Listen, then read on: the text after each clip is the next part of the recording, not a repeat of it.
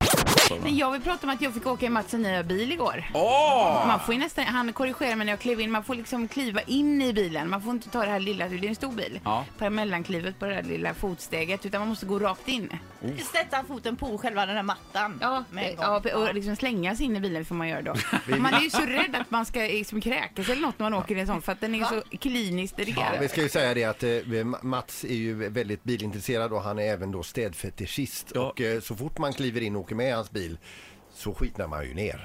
Ja. Bara i, genom sin blotta Ja, men man närvaro. känner ju det. Ja. Hur många gånger har du tvättat bilen sen du fick den? Eh, två. Och hur länge har du haft den? Sen i torsdags. Men Mats, oj det är sjukt. Men du, du fattar att det inte är normalt? eh, Nej men det är som terapi för en efter en hård och stressig dag. Det är skönt att gå ut och tvätta bilen. Ja, men alltså om det inte ens behövs tvätta bilen så är det ju inte så kul alltså. Och sen dessutom den här bilen ser exakt likadan ut som den du hade innan. Ja men den är ny. Ja men alltså Mats dotter upplevde ju inte ens att han hade bytt bil.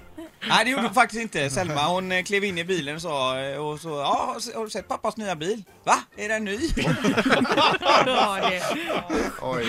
Ja, det är härligt Mats. Ett poddtips från Podplay. I podden Något Kaiko garanterar östgötarna Brutti och jag, Davva, dig en stor dos skratt.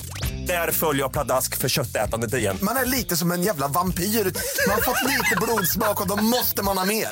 Udda spaningar, fängslande anekdoter och en och annan arg rant.